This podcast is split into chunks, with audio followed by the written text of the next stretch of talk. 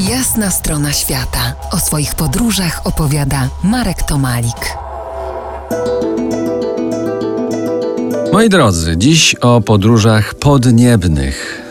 Pierwszy raz znalazłem się w chmurach stosunkowo wcześnie, znaczy w realu, bo poza realem byłem tam jeszcze wcześniej. Wcześniej, czyli w podstawówce, a ten pierwszy lot sobie sam wylatałem. A było to tak. W pierwszym etapie przymusowej edukacji dobrowolnie zapisałem się na kółko modelarskie.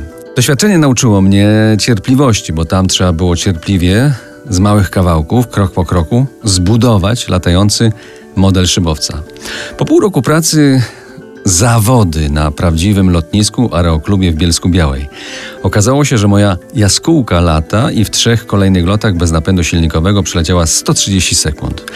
Gratyfikacją była odznaka młodego szybownika oraz przelot Antkiem, czyli starym dwupłatem AN2.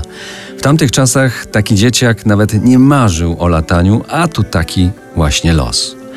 Lot był krótki i dziwny. Nie tak go sobie wyobrażałem. Nie był płynny, stabilny. Wydawało mi się, albo i tak naprawdę było, Samolot co chwilę, jak kamień spadał w dół, to się znowu podnosił. Pamiętam jeszcze dżdżownice wagonów pociągu obserwowane na dworcu kolejowym.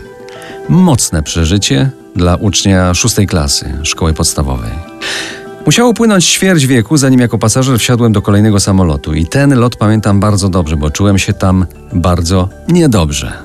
To była maszyna radziecka. W głowie miałem piosenkę Manamu Fly by Lot by Antonow trzęsło niemiłosiernie.